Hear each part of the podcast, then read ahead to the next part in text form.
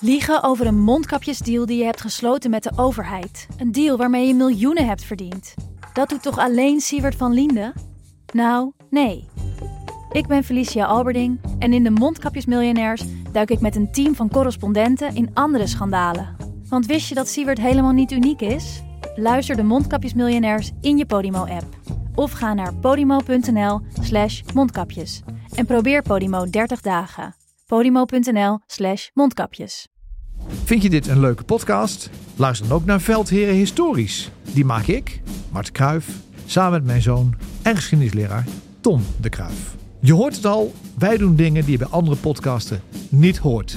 Oftewel, to boldly go where no one has been before. Zo behandelen we ook de slag om Alesia, waar Julius Caesar van twee kanten door de Galliërs werd aangevallen. Hij zou zo'n 1 miljoen Galliërs hebben uitgemoord. En Asterix en Obelix klopt niet. Zeker, en zo bespreken we ook markante veldheren en legendarische veldslagen uit de geschiedenis. Zo kom je bijvoorbeeld te leren waarom het jaar 1870 misschien wel het belangrijkste jaartal is in de geschiedenis. Luister dus Veldheren Historisch via Podimo.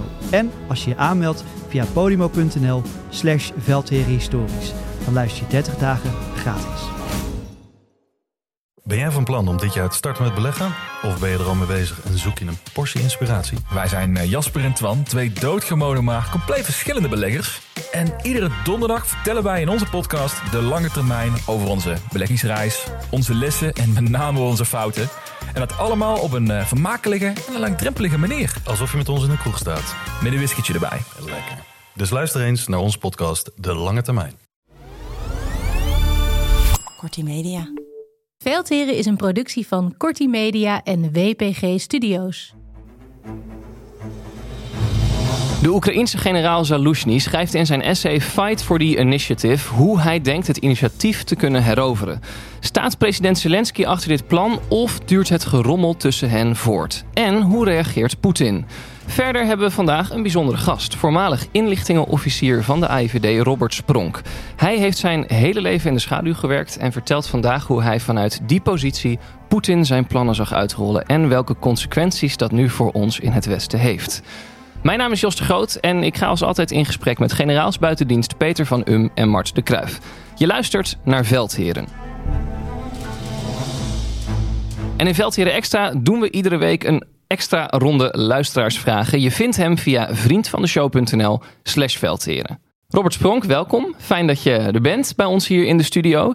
Uh, je bent voormalig inlichtingenofficier bij de AIVD. Voordat je stopte was je directeur operatie, wat inhield dat je leiding gaf aan geheime operaties. Je hebt je hele leven in de schaduw gewerkt, zoals ik al zei. En ik las in een recent interview van NRC met jou Um, dat je baan zelf zo geheim, geheim, was dat je contant werd uitbetaald? Nou, dat was in het begin, hè? In maar, maar dat is wel gebeurd. Ja, dat, dat was in, in, in de jaren tachtig, begin jaren tachtig. En er alles aan gedaan werd om uh, het personeel van de BVD, zoals de AVD toen nog heette, af te schermen van de buitenwereld. Ja, ja, ja, omdat mensen anders aan jouw bankafschriften misschien konden zien. Waar je overigens ging iedereen natuurlijk nadat ze de, hun loon, hè, het loon hadden gekregen meteen naar de bank om het te storten. Dus. nou, tot, tot zover uh, die methode. Uh, je bent nu met uh, pensioen, buiten dienst noemen we dat dan hier aan tafel. Ja. Um, waarom wil je nu, hè, na, na zo lang in de schaduw gewerkt hebben, zoals ik het dan net zeg, bij uitzondering nou wel eens meepraten van achter de microfoon? Laat ik vooropstellen dat ik helemaal geen behoefte heb aan een podium of iets dergelijks. Maar, en, en ik heb toen ingestemd ook met dat interview in de NRC, omdat ik me ernstig zorgen maak over de toestand in de Oekraïne, de oorlog met Rusland. En dat, dat is nog steeds zo. Hè. Vandaar dat ik ook uh, buitengewoon dankbaar ben dat ik hier uh, bij de veldheren mag uh, aanschuiven. Want ik, ik maak me daar ernstig zorgen om. Het tast uh, ook onze veiligheid aan. En, uh, en ik vind dat er niet genoeg benadrukt kan worden. Hè, wat de aard en omvang van, van de dreiging is die uh, van Rusland uitgaat nu en in de toekomst. En het is ook, en het is ook onze oorlog, hè? laten we dat niet vergeten. Ja, ik denk dat wij de zorg eh, met Robert gewoon delen. Ja. Uh, heel duidelijk. Ja. Nou, we gaan straks uh, uitgebreid stilstaan bij, bij hoe jij door jouw werkzaamheden zicht hebt gehad hoe die Russen nou eigenlijk te werk gaan. Uh, maar eerst een paar zaken uit de actualiteit, zoals we dat elke week doen. Vorige week hebben we uitgebreid stilgestaan bij wat er in Afdivka gebeurt. Mart, wat zijn eigenlijk de laatste ontwikkelingen daar? Nou ja, eh, ik koppel het altijd aan de relatie tussen Zelensky en Saluzny. Uh, het schijnt er al dat een decreet is uh, getekend dat. Uh, of het aangekondigd is dat Zelensky moet vertrekken, maar dat het decreet nog niet is getekend. volgens mij zijn er twee dingen aan de hand in deze oorlog. Zelensky heeft natuurlijk dat essay geschreven waarin hij eigenlijk zegt ik moet uh, high-tech spullen gebruiken als soort force multiplier. Wil ik het lang volhouden tegen de Russen. Ik heb minder mensen, dus dan moet ik gewoon slimmere middelen hebben om deze oorlog langdurig vol te houden. En dat betekent dat ik ook slim met mijn menskracht moet omgaan, want ik heb er veel minder dan de Russen. Dus waarom zou ik mij doodvechten in Afdivka? Ik moet daar de Russen sluiten, maar ik hoef Afdivka uiteindelijk niet te behouden. Ja, dat heeft hij niet letterlijk gezegd. Hij heeft niet letterlijk gezegd, dat is onze interpretatie. Ja, zeggen, jij, hebt hier eh, vorige week een hypothese van, uh, Marten Kruijf gebracht. Die, die, hypothese staat nog steeds. hè? Uh, maar dat culmineert wel in uh, Afdivka. Want Afdivka is natuurlijk wel van belang. Maar daar zoek je niet de beslissing. De beslissing zoek je ook als Oekraïne op tijd. En dan heb je een andere strategie nodig dan tot nu toe. Die is Oekraïne al, heeft hij al ingezet, een aantal maanden geleden, door in het defensief te gaan. Dat kost minder mensen, het kost minder middelen. En als je dan ook nog eens een keer de high-tech middelen hebt om het slagveld goed te kunnen beheersen. Dus je kunt zien wat er aankomt. Je hebt een goede situational awareness, zoals ze dat noemen. En je kunt ook doelen snel bestrijden in de diepte met precisie. Dan kun je de Russen heel veel verlies opleggen en kun je deze oorlog lang volhouden. Dat speelt er. Dat is echt maar de discussie die nu achter de gesloten deuren in Kiev plaatsvindt. Ja. Hoe, heb, hoe, heb, jij het essay gelezen, Peter, van Zelensky? Uh, wat mij uh, daar het meest verbaasde, wat hij eigenlijk militair technisch zei, ja, dat, dat, dat is eigenlijk logica. Uh, dus daar kan ik wel mee leven. Maar ik, ik was het meest verbaasd over het feit zei hij, dat hij zei: ja, we moeten daarvoor dus de economie aanpassen. En geef mij vijf maanden en ik heb het geregeld. Nou, dat vond ik wel erg optimistisch. Heeft hij een systeem, zei hij? Ja, Heeft ja, hij een systeem. Ja. Dus dat, dat vond ik bijzonder. Maar ik vond nog één ding bijzonder. Dat is dat uh, Poetin hier onmiddellijk op reageerde. En uh, Poetin heeft in een speech van hem een paar opmerkelijke dingen gezegd. En één was dat hij reageerde op dit verhaal van Fight for the Initiative. En Poetin zei, wie het het snelst regelt, die gaat winnen. Dus ja, opmerkelijk dat hij op, een, op uitspraken van de Oekraïnse commandant strijdkrachten reageert. Maar Poetin heeft een andere toespraak ook wel een opmerkelijke gedaan, moet ik zeggen. Hij heeft uh, breed verkondigd dat ze toch wel succes hadden bij Avdivka. Want ze hadden wel 19 huizen veroverd. Ja. Nou, als dat jouw succes is, ja, als je dat nodig hebt om blijkbaar uh, ja, toch de, de, massa in Rusland uh, gerust te stellen en succes te tonen, want dit slaat natuurlijk helemaal nergens op. Nee. Robert wat, wat, denk jij als je Poetin zoiets hoort zeggen? Ja, ja, dat is natuurlijk allemaal voor de bühne. En uh, ik, overigens, over deze kwestie, daar ben ik wel benieuwd naar hoe uh, uh, Mart en Peter daar tegenaan kijken. Wat ik zelf een beetje opmerkelijk vind, is dat Zelensky, zeg maar, nu voor de tweede of derde keer publiekelijk uiting geeft aan zijn, zijn opvattingen over hoe die oorlog gevoerd moet worden. En daarmee treedt hij eigenlijk in het politieke domein. Hè? Dat legt, uh, denk ik, ook een soort uh, verschil van inzicht of controverse bloot tussen Zelensky enerzijds en Zelensky anderzijds. Wat natuurlijk wel koren op de molen is van de Russen. Maar goed, nogmaals, ik ben benieuwd hoe jullie daar tegenaan kijken. Dat het in het belang van, van de oorlog voor de Oekraïners zaak is dat ze de rijen gesloten houden. Hè? Nou, ik ben het met je eens. Uh, het zou veel beter zijn als ze de rijen gesloten houden. Maar Soluzny doet het dan, die heeft twee keer een essay uitgegeven nu. En twee keer heeft hij het echt over puur militaire zaken eigenlijk. Maar als je er doorheen leest, dan zit hij tegen de grens van uh, het politieke ook wel aan. Uh, en de vraag is natuurlijk, bij, de, bij het eerste essay, ja, was dat nou afgestemd of niet? Ja. Want uiteindelijk heeft Zelensky daar gelijk op gereageerd. Ja. Dus ik denk dat het misschien wel afgestemd is, maar zeker niet ten volle. En ik denk dat het met dit essay hetzelfde is. Ja. Zelensky heeft ook gereageerd. Hè? Die heeft gezegd: als we deze oorlog willen winnen, moeten we allemaal dezelfde kant op gaan en overtuigd zijn van die overwinning. We hebben de juiste positieve energie nodig. Ja, en, maar we hebben ook meerdere wisselingen van de wacht nodig. Ja, ja, ja, maar, precies. Dat je tegenstelling hebt tussen politieke doelstellingen die je moet vertalen in militaire opdrachten, hè, van het strategische naar het tactische niveau. Dat noemen wij dan die scharnierfunctie van het operationele niveau, dat is van alle tijden. Wij kennen het ook in Nederland. Hè. Is Afghanistan was het nou een opbouwmissie of een vechtmissie? Dat is allemaal niet zo eenvoudig. Maar zeker als je onder druk staat. als je voorbestaan van je land op het spel staat. Als je ziet dat de omgeving om jou heen aan het schuiven is. Verkiezingen in de Verenigde Staten. Europese steun, blijft die wel of niet? Ja, dan komt er ook druk op het systeem zelf te staan. En dan krijg ik dit soort tegenstellingen die in de media komen, die op zich helemaal niet goed zijn. Dus het is een slecht teken, dat ben ik met iedereen eens. Maar ehm, de vraag is, waarom is Salusny nog steeds niet afgezet op dit moment? Wat speelt er op de achtergrond? Is er druk van buitenaf om te zorgen dat je toch die eenheid moet bewaren? Dat is een beetje de vraagteken in deze kwestie die we nu zien. Ja. Misschien gaan we binnenkort uh, nog wat meer horen over wat Poetin hier allemaal van vindt. Want uh, van de week kwam naar buiten dat hij een interview gaat geven aan Tucker Carlson. Amerikaanse host was het van, van Fox News. Uh, moet nu zijn programma's maken in, in het so social media domein. Die is in Moskou om Poetin te interviewen. Als eerste westerse journalist, journalist zeg ik even tussen aanhalingstekens, sinds de in, inval van 2022. Ja, moeten we aan dit uh, trieste dieptepunt echt aandacht besteden? Precies. Ik, ik, ik, dit, ik denk dat de hele wereld gaat kijken. Het is bespottelijk werkelijk. Ja? En, en uh, die, die wordt getrakteerd op een propagandapraatje. En laat ik nog eens een keer ook benadrukken dat...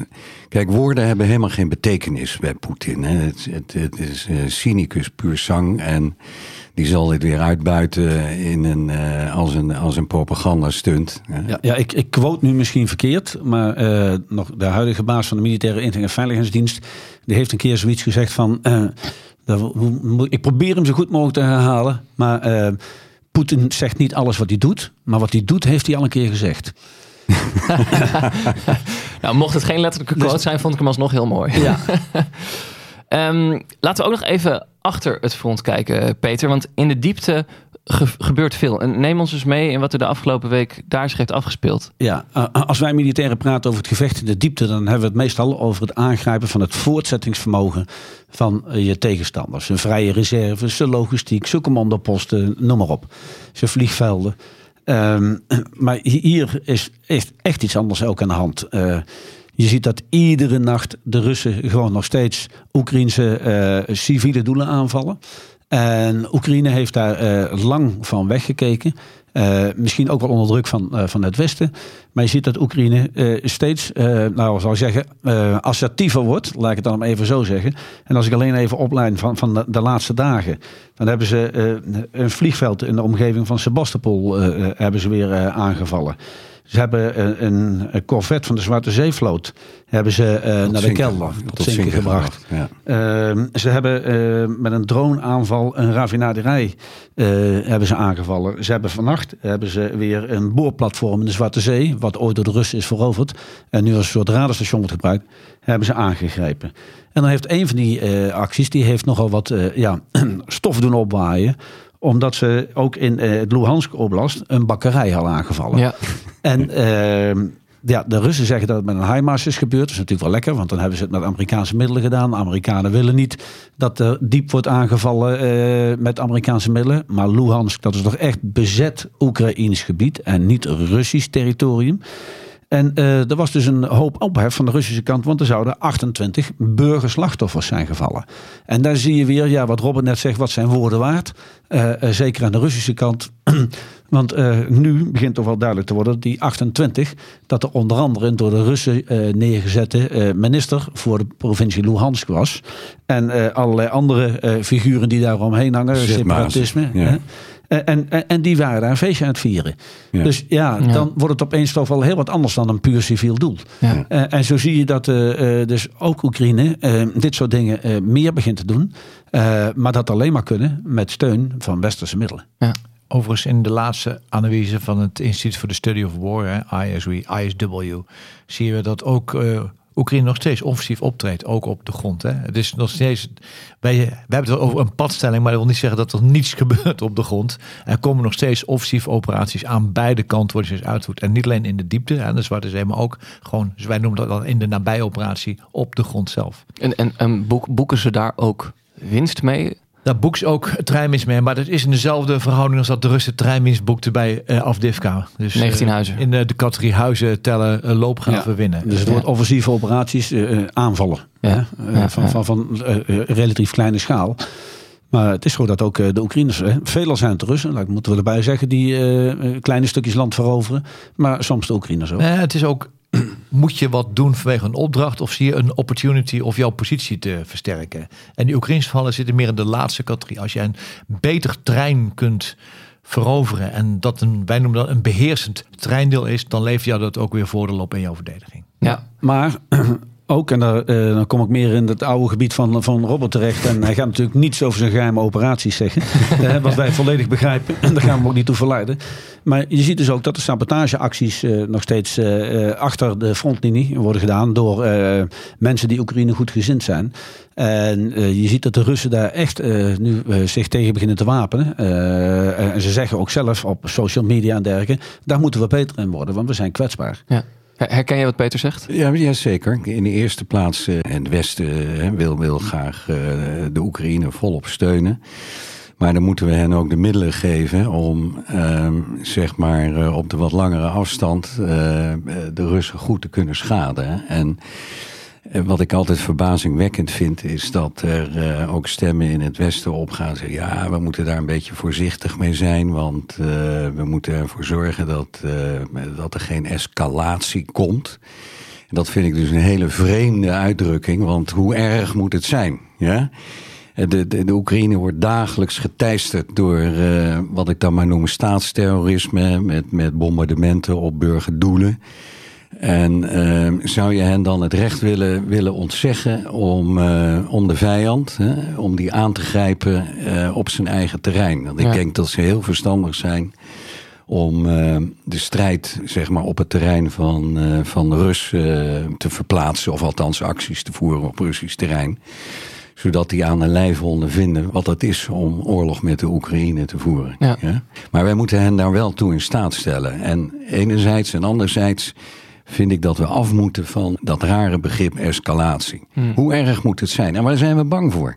Zijn we bang voor een bom op Rotterdam of op Parijs? Hè? Maar, maar escalatie kan grofweg in twee manieren. Dat is nog extremere middelen, ja, en nog meer geweld. Of dat meer landen betrokken worden. En Ja. daar is natuurlijk iedereen bang voor. En in het kader van het aanblijven van steun misschien een goed nieuwsbericht.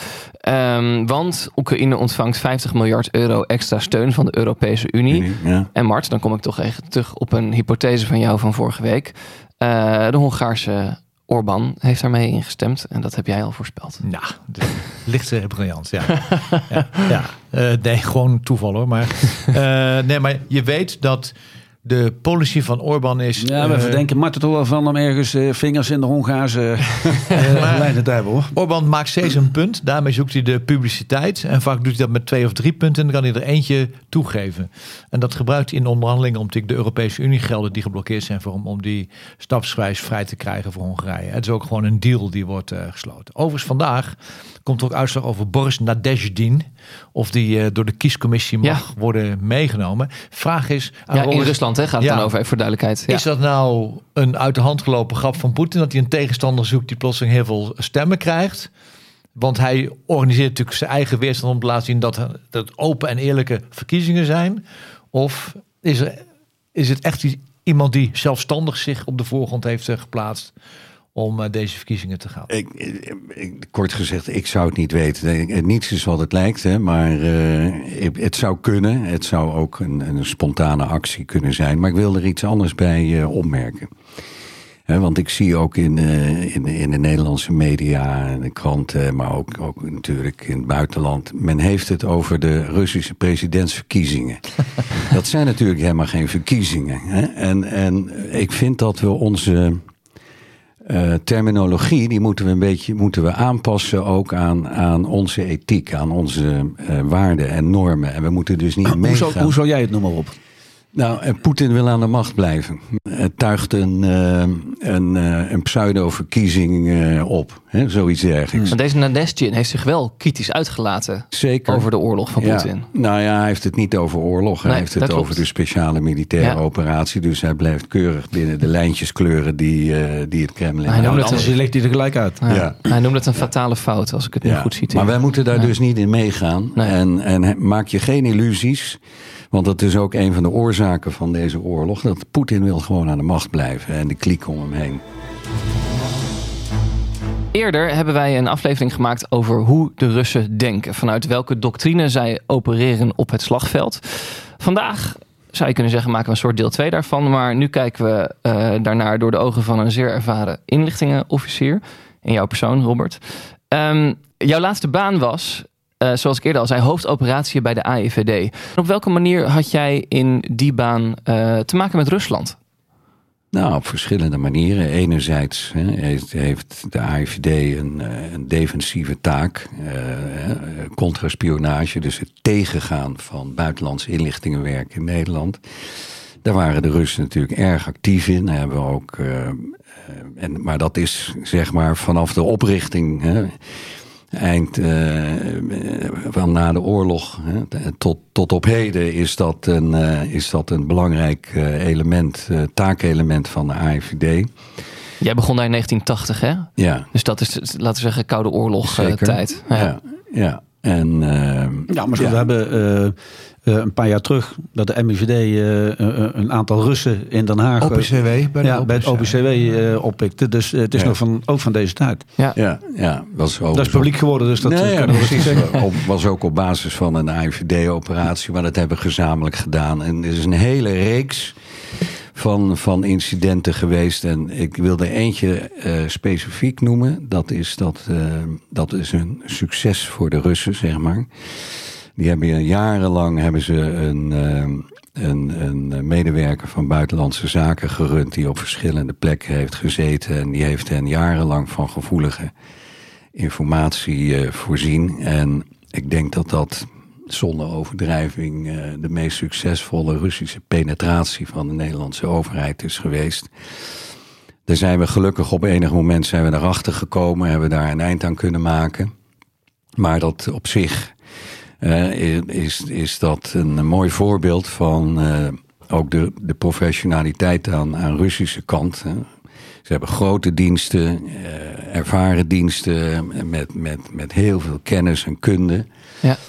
En, ehm, Waarom was deze operatie zo succesvol? Wat je nou, zegt? omdat die Russen erin slaagden jarenlang hè, deze man te runnen, zoals dat heet. Ja.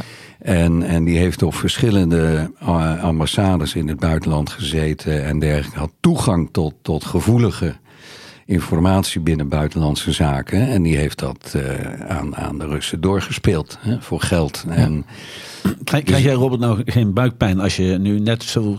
hè, Het is recent. leest dat de eh, Oekraïne vijf infiltranten uit hun eigen Oekraïnse inlichtingendiensten. Ja.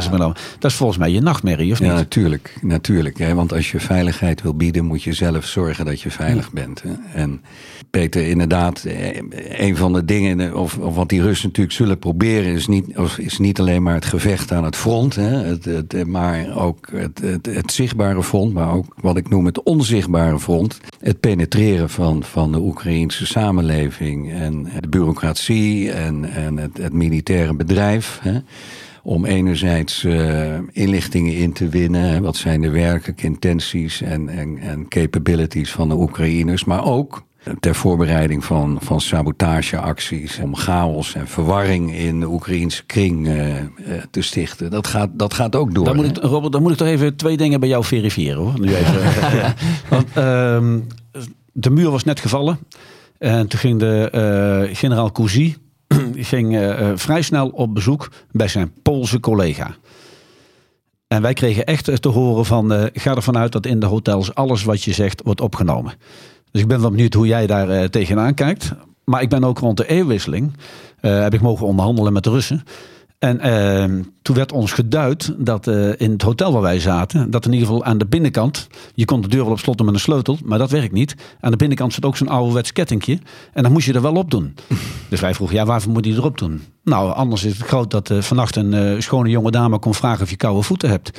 En dat is op zich nog niet zo erg, maar dat kan ook gefilmd worden.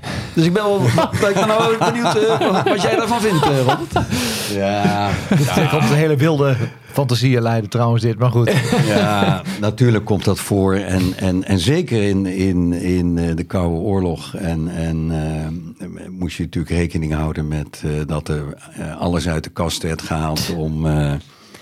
Om, om de inlichtingendoelen die ze zich hadden gesteld te verzamelen. En de- Is dat in die periode van, laten we zeggen, 1980, toen jij begon bij de dienst, tot, tot 2000, hè, de- toen Poetin president Ja. werd? Is dat, heb je dat zien veranderen? Zeker, zeker. Want eh, kijk, de val van de muur in 89 hè, en de implosie van de Sovjet-Unie heeft natuurlijk geleid in eerste instantie tot een, eh, een vermindering van de dreiging vanuit het oosten. Omdat die satellietlanden, dat, dat werden natuurlijk allemaal democratieën en zo. En, eh, behoorden niet meer tot het, eh, de invloedssfeer van, eh, van de Sovjet-Unie. En waren geen deel meer van het Warschau-pact. En we hebben natuurlijk eh, kort of na de implosie van de Sovjet-Unie hebben we wel gezien dat er sprake was van een, een, een, een, een vermindering hè, van de, de Russische inlichtingactiviteiten. Er was natuurlijk ook een beetje sprake van demoralisatie. En, en, zij moesten zich, zoals dat heette, opnieuw uitvinden. En, eh, en ze kregen een enorme steun in de rug toen Poetin president werd. Hè. Wanneer was dat? In 2000. En toen namen ook de Russische inlichtingenactiviteiten, hè, zoals we dat waarnamen in het Westen, ook in Nederland, die namen weer rap toe. Ja. Zodanig dat dat het niveau van de Koude Oorlog weer benaderde. En ook eh, niet verwonderlijk, hè, eh, als je een president hebt die, die zelf uit de KGB is voortgekomen, ook nog een blauwe Hij, maandag. hij was zelf KGB, even ter vertaling, dat geheimagent. Zo, maar ja, dat goed? ja, ja, Hij, heeft, hij heeft daar carrière gemaakt. Ja. voor Dus als er iemand doordrongen is van het belang van inlichtingen, Ja. dan is het Poetin oh, wel. absoluut. Ja. absoluut. Ja. En, en Maar, maar toch heeft- had hij een volledig verkeerd beeld toen Nou, deze oorlog begon. Dat is dus een van de ehm, ehm, raadsels hè, bij, de, bij deze oorlog met de Oekraïne. Hoe die zich kennelijk, hoe die verkeerd is geïnformeerd hè, en zelf ook onvoldoende eh, heeft geverifieerd. Wat, Maar, Mart, herken jij wat Robert schetst? Nou ja, we hebben natuurlijk al heel veel eh, vaak gezegd dat naar aanleiding van de ervaring van 2014 je een soort mechanisme in werking Annexatie van de Krim. eh, gezet, annexatie van de Krim en delen van Oost-Oekraïne. Dat als het relatief makkelijk gaat, je de neiging hebt jouw tegenstander te onderschatten. En een krijgsmacht die een oorlog verliest, wint vaak de volgende. Want je leert meer van je fouten dan van je successen. En met name de wijze van leiding geven van Oekraïne en de motivatie van de, van de Oekraïnse soldaat. Dat is wat volgens ons ontzettend is onderschat. Los van het feit dat de top van het Oekraïnse leger natuurlijk is opgeleid sinds 2014 in de Verenigde Staten en het Verenigd Koninkrijk. Maar jullie kijken altijd naar capabilities, wat kan iemand en intentions. Hè? Wat is nou in deze oorlog, of nou, laat ik het anders zeggen, wat is de strategische intentie van Poetin? Want de vraag natuurlijk is, als je bij de Baltische Staten landt, ja, eh, gaat hij stoppen of niet? Gaat hij door of niet? Wat is nou in jouw ogen de intentie van Poetin? Wat wil hij bereiken? In de eerste plaats, heel plat gezegd, gewoon aan de macht blijven. En de Oekraïne is natuurlijk een liberale infectie. Hè? Dat, dat tast het. eh, Dat vind ik eh, mooi gezegd. Ja, dat, dat tast de, de, Mooie de- typering. Het, het systeem aan. Ja? Het, dat, in die zin is het een bedreiging. En, en kijk ook maar naar al die, die, die, die, die retoriek uit, uit Moskou ook. eh, ze vinden ons in het Westen verweekt. Hè? Stelletje watjes. Het is. eh, Ja, is, dat, is dat hoe Poetin naar het Westen kijkt? ja, en, en zeker heeft helemaal geen respect voor, eh, voor het Westen. Hè? En, en ziet dat als decadent en verdorven. En, en hij wil eh, natuurlijk Rusland ook eh, beschermen tegen deze, deze, deze kwalijke invloeden. Hè? Nou, we hebben dat gezien met Wit-Rusland. hè, Dat, eh, dat, ja, dat is natuurlijk ook wel een tragiek werkelijk. Hè? En... eh, Ik moet ook denken aan de Nord Stream pijpleiding. ja, dat is natuurlijk van een andere orde. Ehm, Ja? Wij, ja, vind ik wel. Het past wel in het grotere plaatje van het afhankelijk maken van, van het Westen van Russische energie. Ik heb altijd, ik vond het altijd heel bizar. Ik, het schiet me een, een, een, een, uitspraak van eh, premier Mer, of, eh, kanselier Merkel eh, te binnen. Die zei van toen ze een beetje kritisch bevraagd werd hè, over de Duitse steun aan Nord Stream en, en dergelijke. Zei ze nou, dan, daar moet je niet zo'n punt van maken, want het is een puur economisch project. Dat was het voor die Russen natuurlijk zeker, maar ook een politiek project met een bijbedoeling. Ja? Het afhankelijk maken van anderen. En goed, eh, de, de, de NRC-journalist eh eh, Tommy Almeus heeft daar een paar keer een fantastisch artikel over geschreven. Hoe ook Nederland in de ban raakten van die Gazprom-expansie en Mhm. dergelijke. En dat we door eh, valse, hè, door fantasieën en, en naïviteit en, en ook... Het, het was Balkenende die in 2007 zei... We maken van. Nederland de gasrotonde van Europa. Ja, precies. Eh, Flauwekul allemaal. Ja? En, en daar is, in die jaren is daar ook voor gewaarschuwd hè, door, door, eh, door de AIVD en, en zeker ook door de Duitse diensten. Hè. Die, die hebben daar al in een vroeg stadium eh, aan, aan de alarmbel getrokken, maar die werden, dat werd in de wind geslagen. En, Dus eh, Merkel en Schreuder waren machtiger dan de Duitse inlichtingendiensten. Absoluut, Zo, absoluut. En, en kijk naar Schreuder zegt, die heeft eh, in, in, in zijn nadagen als, als kanselier nog even snel een, een hoop geld ter beschikking gesteld hè, voor, die, voor die maatschappij die ook eh Nord Stream Eh, maar, maar laten we niet vergeten, want ik vind het wel, wel mooi dat jij op de Duitsers komt. M- vrouw Merkel wist hoe het systeem werkte. Ze was erin groot geworden. Ja. Maar de Duitse dienst had, doordat die twee Duitsland weer bij elkaar kwamen, ook wel de nodige ervaring en kennis van binnenuit. eh, omdat een aantal mensen eh, aan de Oost-Duitse kant eh, eh, hun werk hadden gedaan. En eh, ja, toen ze bij het West-Duitse gingen horen, hebben ze best wel wat eh, ervaring en kennis meegenomen. Niet iedereen. Ja. Hè? En ik, ik heb zelf bijvoorbeeld in de Duitse krijgsmacht Oost-Duitse, eh, voormalige Oost-Duitse officieren meegemaakt. Die toch een wat andere ervaring hadden dan wij. Maar, als, Ja. maar Duitsers zeggen, nu letterlijk, ook in de Bundestag, hè, de Bundesweer moet binnen vijf tot acht jaar gereed zijn om warfighting te kunnen doen tegen de Russen. En dat zien ze vooral in de omgeving van de Baltische staten. Wat is de intentie van Poetin ten opzichte van de Baltische staten? Moet ik me daar zorgen maken? Want als ik daar land, krijg ik altijd te horen: jullie zijn gek. Dat is het eerste. En het tweede is: gaan jullie een derde wereldoorlog beginnen om ons te verdedigen? omdat we Nou, NAVO-landen precies. zijn. Ja, overigens, dat, eh, dat wordt voor de Russen, als ze dat dan zouden willen, ook geen walkover. Hè? Want eh, ik ben ook veel in die Baltische staten geweest. En, en ook met name ook in Estland. En als ik zie wat die al jarenlang eh, doen aan, eh, aan oorlogsvoorbereidingen, het oppeppen van een defensie. Ja, dat wordt geen walkover. Maar ik denk dat de fantasie is dat, dat, dat ze zullen proberen om, om, dat, eh, om het terug te brengen in, in de Russische invloedssfeer. Maar ze zullen het niet in, binnenvallen, want dan hebben we natuurlijk een rechtstreeks. Oorlog hè, met, met, met de NAVO. Maar je ziet nu al de laatste weken, ik vond dat wel heel opmerkelijk, in, eh, eh, dat, eh, hè, dat, dat die dan, Poetin dan uitspraken doet van, over die Russische minderheid in, wat was het, Letland in dit Ja, geval.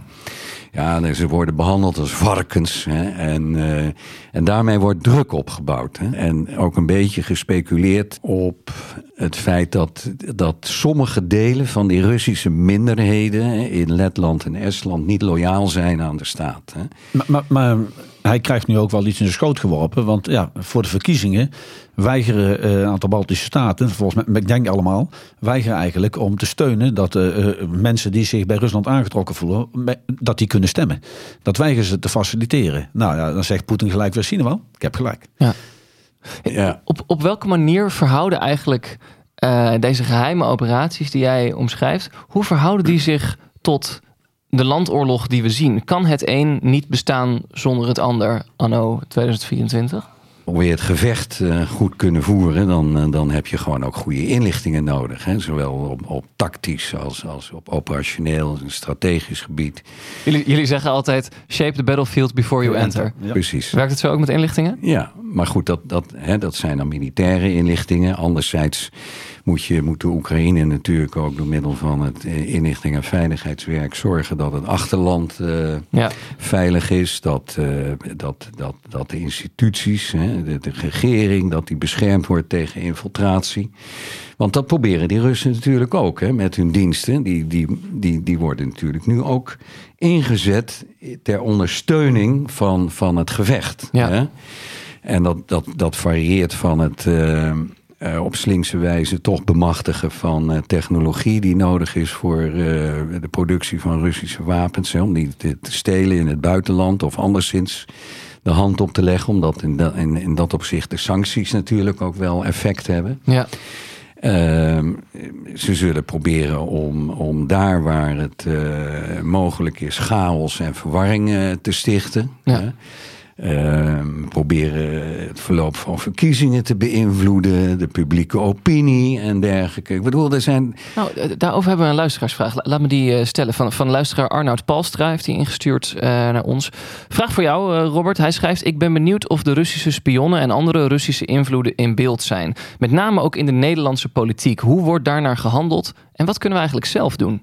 In het begin van de oorlog is er in West-Europa een, een goed besluit genomen door de Russische presentie op ambassades in de hoofdsteden. Om, eh, daar- zaten veel inlichtingossieren in om die drastisch terug te brengen. Dat heeft hun armslag beduidend verminderd. Ja, dat zijn dus officieel diplomaten, Ja. maar die doen wat anders. Maar die doen wat anders. Nou, daar, daar, de, de meeste die, eh, die zijn eh, uitgewezen. Dus dat, dat, dat, dat heeft hun presentie in, eh, in West-Europa heeft dat eh, ernstig eh, geschaad. En dat is, is maar goed ook. Hè. Anderzijds eh, zien we natuurlijk ook in West-Europa wel pogingen hè, tot, tot beïnvloeding. Nou, er stond vorige week ook nog een mooi artikel in de krant over eh, eh, het penetratie van de AFD hè, door, door Russische diensten. En, en nou, je ziet, hè, de AFD zorgt natuurlijk voor een enorm eh, Alternatieve Alternatieve voor Duitsland. Ja. De Ja. rechtse partij. enorm gedoe in Duitsland. Hè? Ja. Eh, eh, Een miljoen mensen op de been en zo. En nou ja, dat heeft natuurlijk wel zijn effect hè, op Ja. het verloop van, eh, van de verkiezingen in, in Duitsland. Ik bedoel, het vissen in troebel water, hè, dat, dat, ja, ik bedoel, dat is een ABC'tje voor die, voor die Russen. Ja. Hè? Dus in die zin, het manipuleren van, proberen te beïnvloeden, manipuleren van verkiezingen, dat, dat hebben we in de afgelopen jaren natuurlijk her en der kunnen waarnemen. Ja? Zelfs in Amerika. Daarom, wat ik in het begin zei, is het zo belangrijk dat wij in het Westen, hoe wij communiceren hè, over Rusland, dat we dat enten op onze eh, ethiek, op onze waarden en Mm. normen. Dus niet meegaan in de Russische presidentsverkiezingen, hè, Ja. alsof Ja. dat een soort legitiem iets is. Hè. Want dat is natuurlijk allemaal nep. Ja. Ja. En daar moet je weer doorheen prikken, dat nepnieuws. Ja? En, Op die vraag, je weet nooit wat je niet weet. nee. dat is het probleem. Dus je moet altijd alert blijven. De Ja. unknowns, unknowns. Ja, Ja. en, en ik, ik vond het, het is maar een, een klein berichtje, maar eh, hoe dat dan opeens, hoe sneaky het soms kan en hoe vernuftig het soms kan. Ja, eh, de Oekraïners zijn er net achter gekomen dat de Russen al een tijdje trekkers plaatsen in drones. En dat doen ze omdat als de Oekraïners dan een drone neerschieten en die nemen ze mee om hem weer te, eh, ja, te herbouwen zodat ze hem zelf kunnen gebruiken, dan weten de Russen waar dat fabriekje zit. Ja. Ja? Ja. Eh, eh, zo, zo sneaky gaat het dus. Ja. Ja? En, en, en, en dat gebeurt echt op alle niveaus. Even- er is heel veel creativiteit dan. Ja. Even terug. Maar je zei, het is onze oorlog. De oorlog in Oekraïne is onze oorlog. Hè, En dat gekoppeld aan de ambitie van Poetin. Zou je dat voor mij nog eens kunnen duiden? Op het moment dat eh, de eh, worst case scenario, hè, dat de Oekraïne het niet meer volhoudt. Ze krijgen dan hernieuwd eh, zelfvertrouwen. Er, er zal druk uitgeoefend worden op die Baltische regio. En even voor de duidelijkheid, in Transnistrië hebben ze al troepen zitten, de Russen. ja. precies. Maar die zijn, die zijn geïsoleerd, hè, want eh, dat is moeilijk te bereiken voor hen. Maar goed, dat betekent dat die dreiging die, die, die schuift op richting het westen. En, en daar gaan we dus steeds meer van, van merken. Bovendien, die Baltische Staten en, en Roemenië en dergelijke, dat zijn bondgenoten van ons. Ja? En wij kunnen niet tolereren dat, dat, dat vind ik, dat die bondgenoten dan onder druk worden gezet. Ja? Nou ja, je ziet het, eh, Orbán werd even genoemd door Mart ook in het eh, begin.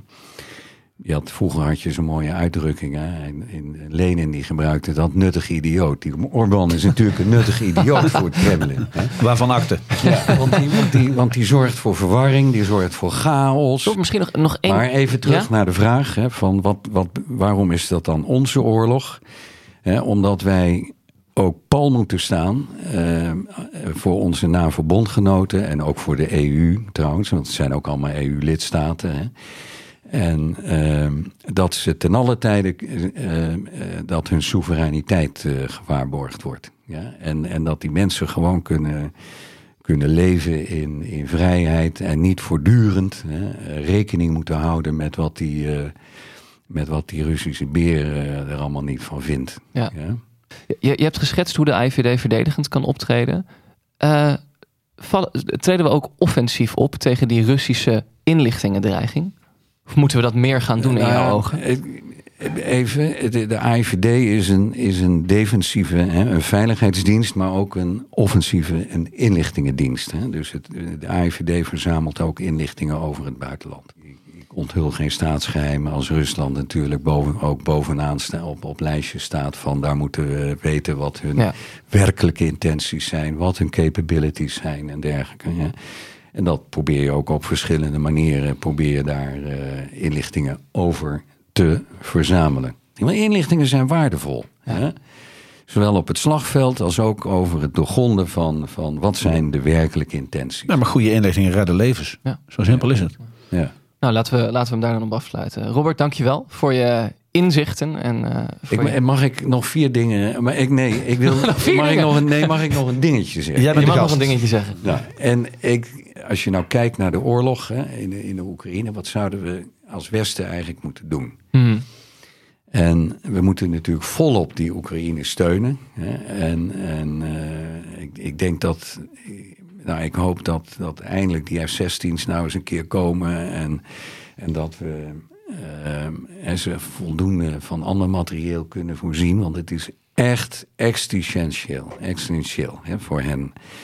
En ehm, daarnaast ehm, ehm, moeten we Rusland isoleren, vind ik. Hè. Het, het, ehm, zeg maar het taalgebruik waar ik het eerder over had, de, de Russische presidentsverkiezingen en zo, dat suggereert een beetje zo van ja, het is ook een land hè, wat een beetje. Hè. Nee, het is evil. Ja. Het is een dreiging voor ons. En we moeten daar dus niet in meegaan. En we moeten ze op alle mo- mogelijke manieren isoleren. En, en zorgen dat die sancties hè, die we hebben ingesteld, dat die ook echt nageleefd wordt, dat die, dat die optimaal gaan, eh, gaan werken. Ehm, Dan lees ik net dat Engeland nog steeds via een bocht allerlei Oekraïnse olie, of eh, sorry, Russische olie koopt. ja, vreselijk is dat. dat. Daar moeten we dus echt radicaal mee stoppen. Ehm, Robert, mag ik je danken voor je, voor je eh, unieke kijk eh, op de oorlog in Oekraïne in, eh, in deze aflevering. Vraag ik nog heel even kort, Peter, Mart, aan jullie. Volgende week, we gaan, nee, ik, volgende week zijn we er niet. Dus we, mo- we moeten even, te- we, we, gaan er één weekje tussenuit. Volgende week zitten de veldheren in een verzamelgebied. Ja, Weer hun gevechtsgereedheid eh even recu- garanderen voor de komende tijd. Om militaire term te blijven. Ik ga vooral aan de twee dingen kijken natuurlijk. Wat gebeurt er aan het front in Oekraïne? Want nogmaals, staat niet stil. Ja, En Hamas heeft een voorstel gedaan. Als we kijken naar Israël heeft dat toneel. ja. Om in drie fases van 45 dagen uiteindelijk eh, tot een soort wapenstilstand te komen. Dat is een tegenvoorstel geweest waar we het afgelopen week over hebben eh, gehad. Hè. De resultaten van de onderhandelingen in eh, Egypte. En je ziet dus dat het politieke front daar nog wel steeds iets aan het schuiven is. Interessante ontwikkeling. Ik denk dat ik maar eens een weekje ga nadenken over de term dat Oekraïne eigenlijk een liberale infectie was. Kijk. Komen we daar in de volgende aflevering misschien nog even op terug. Eh, Robert Spronk, nogmaals dank eh, voor je komst naar onze podcast. Dit was Veldheren voor deze week. Mijn naam is Jos de Groot en ik maak deze podcast natuurlijk met generaals buitendienst Peter van Um en Mart de Kruijf. Bij Veldheren Extra op vriendvandeshow.nl slash veldheren gaan we nog even door en beantwoorden we meer luisteraarsvragen. Bijvoorbeeld die van Floris Verboom. Hij heeft een vraag over onze aflevering van vorige week, waarin we de verdediging van de Baltische Staten door de NAVO bespraken. Zouden verdedigingslinies die Oekraïners en Russen hebben aangelegd, zodat beide zijden weinig tot geen progressie kunnen boeken, ook kunnen werken in de Baltische Staten? Nou, wil je weten wat Peter en Mart daarover te zeggen hebben? Luister dan naar Veldheren Extra via vriendvandeshow.nl slash veldheren. Volgende week zijn we er dus even een weekje tussenuit, maar 22 februari zijn we terug. Tot dan.